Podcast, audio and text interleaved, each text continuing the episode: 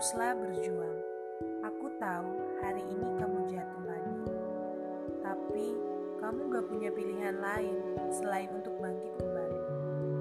Mungkin kamu jatuh di dosa dan itu lagi, itu lagi.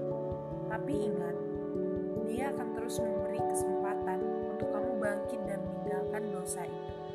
Percaya deh, dengan terus berjuang meninggalkan dosa, maka kamu akan semakin mengerti tentang apa yang Tuhan mau.